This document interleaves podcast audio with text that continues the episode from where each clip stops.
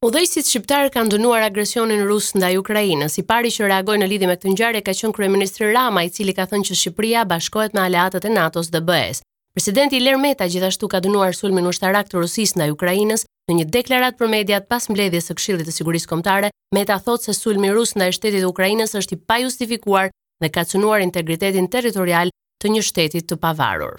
Pas përshkallëzimit të situatës gjatë mëngjesit të sotëm, kur nisi agresioni ushtarak rus në Ukrainë, vendosa të thërras përsëri mbledhjen e Këshillit të Sigurisë Kombëtare për të bërë një rivlerësim të situatës që prej mbledhjes së fundit të katërmbëdhjetë shkurtit mbi këtë temë. Këshilli diskutoi mbi të gjitha masat që do të ndërmerren për të adresuar këtë situatë, në koordinim të plotë me aleatët dhe partnerët, si sa u përket angazhimeve tona ndërkombëtare, ashtu edhe në raport me sigurinë në vendin tonë dhe në rajonin e Ballkanit Perëndimor. Me këtë rast, Edhe një herë, dënoj me ashpërsinë më të madhe sulmin ushtarak të Rusisë kundër Ukrainës, shtet i pavarur dhe sovran.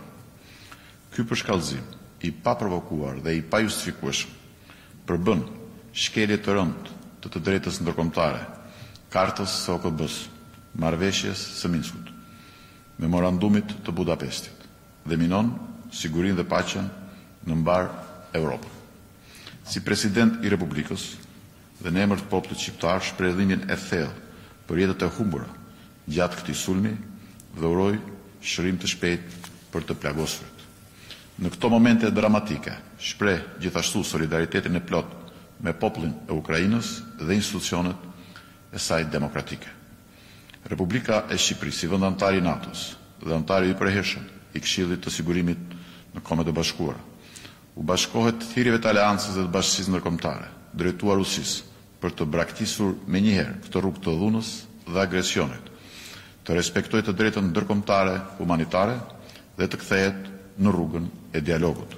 Shqipëria qëndron unison me NATO-n dhe me Bashkimin Europian dhe do të zbatojë të gjitha angazhimet e marra në kuadër të politikës së jashtme dhe të sigurisë së përbashkët. Bashkë me Aleancën dhe Bashkimin Europian, do të qëndrojmë të palëkundur në mbrojtje të vlerave të lirisë dhe të demokracisë. Faleminderit.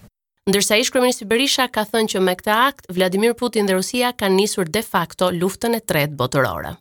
Ministrja e Shëndetësisë dhe Mbrojtjes Sociale, Ogerta Manastirliu ka bërë me dije se Komiteti Teknik i Ekspertëve ka vendosur ditën e martë të reduktojë kohën e izolimit për të prekurit nga COVID-19 me 5 ditë dhe ka rekomanduar që doza e tretë përforcuese e vaksinës të kryhet 5 muaj pas dozës së dytë. Sa i takon masave anti-Covid, ministrja Manastirliu thekson se situata po ndiqet në dinamikë dhe masat do të rivlerësohen në vijim.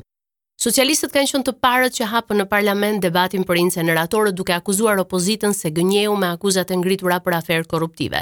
Sipas mazhorancës, komisioni hetimor tregoi të kundërtën e pretendimeve të demokratëve, ndërsa deputetët e pakicës kujtuan kolegëve se kanë një ish-ministër në pranga. Lulzim Basha bëri edhe një herë thirrje SPAK-ut të mos ndalë arrestimet për këtë çështje.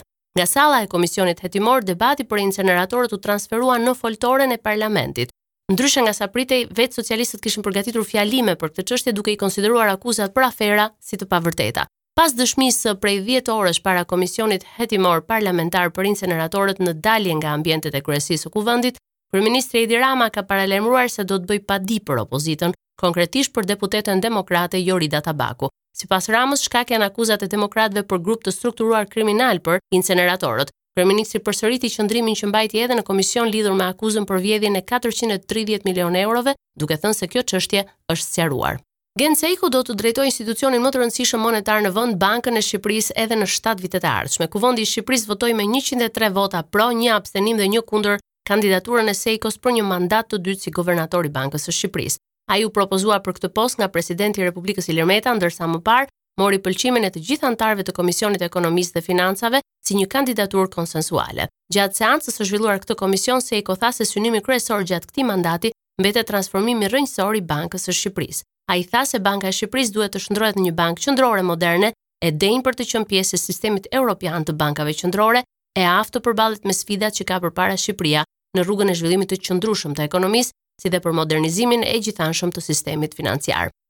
Banorët e Pesë Majit kanë zhvilluar edhe këtë të enjte një protestë përpara parlamentit. Ata pasi kanë mbaruar fjalimet, kanë marshuar drejt drejtorisë së policisë së Tiranës. Kërkojnë lirimin e personave që janë shoqëruar disa ditë më parë pas përplasjeve që banorët patën me policinë për shkak të prishjes së banesave. Banorët i kanë bërë thirrje kryeparlamentares Lindita Nikolla që të bisedojë me ta. Kujtojmë që dy javë më parë kreu i qeverisë është takuar vetëm me një përfaqësi të banorëve. Raportoi nga Tirana për Radio SBS Gerta Heta.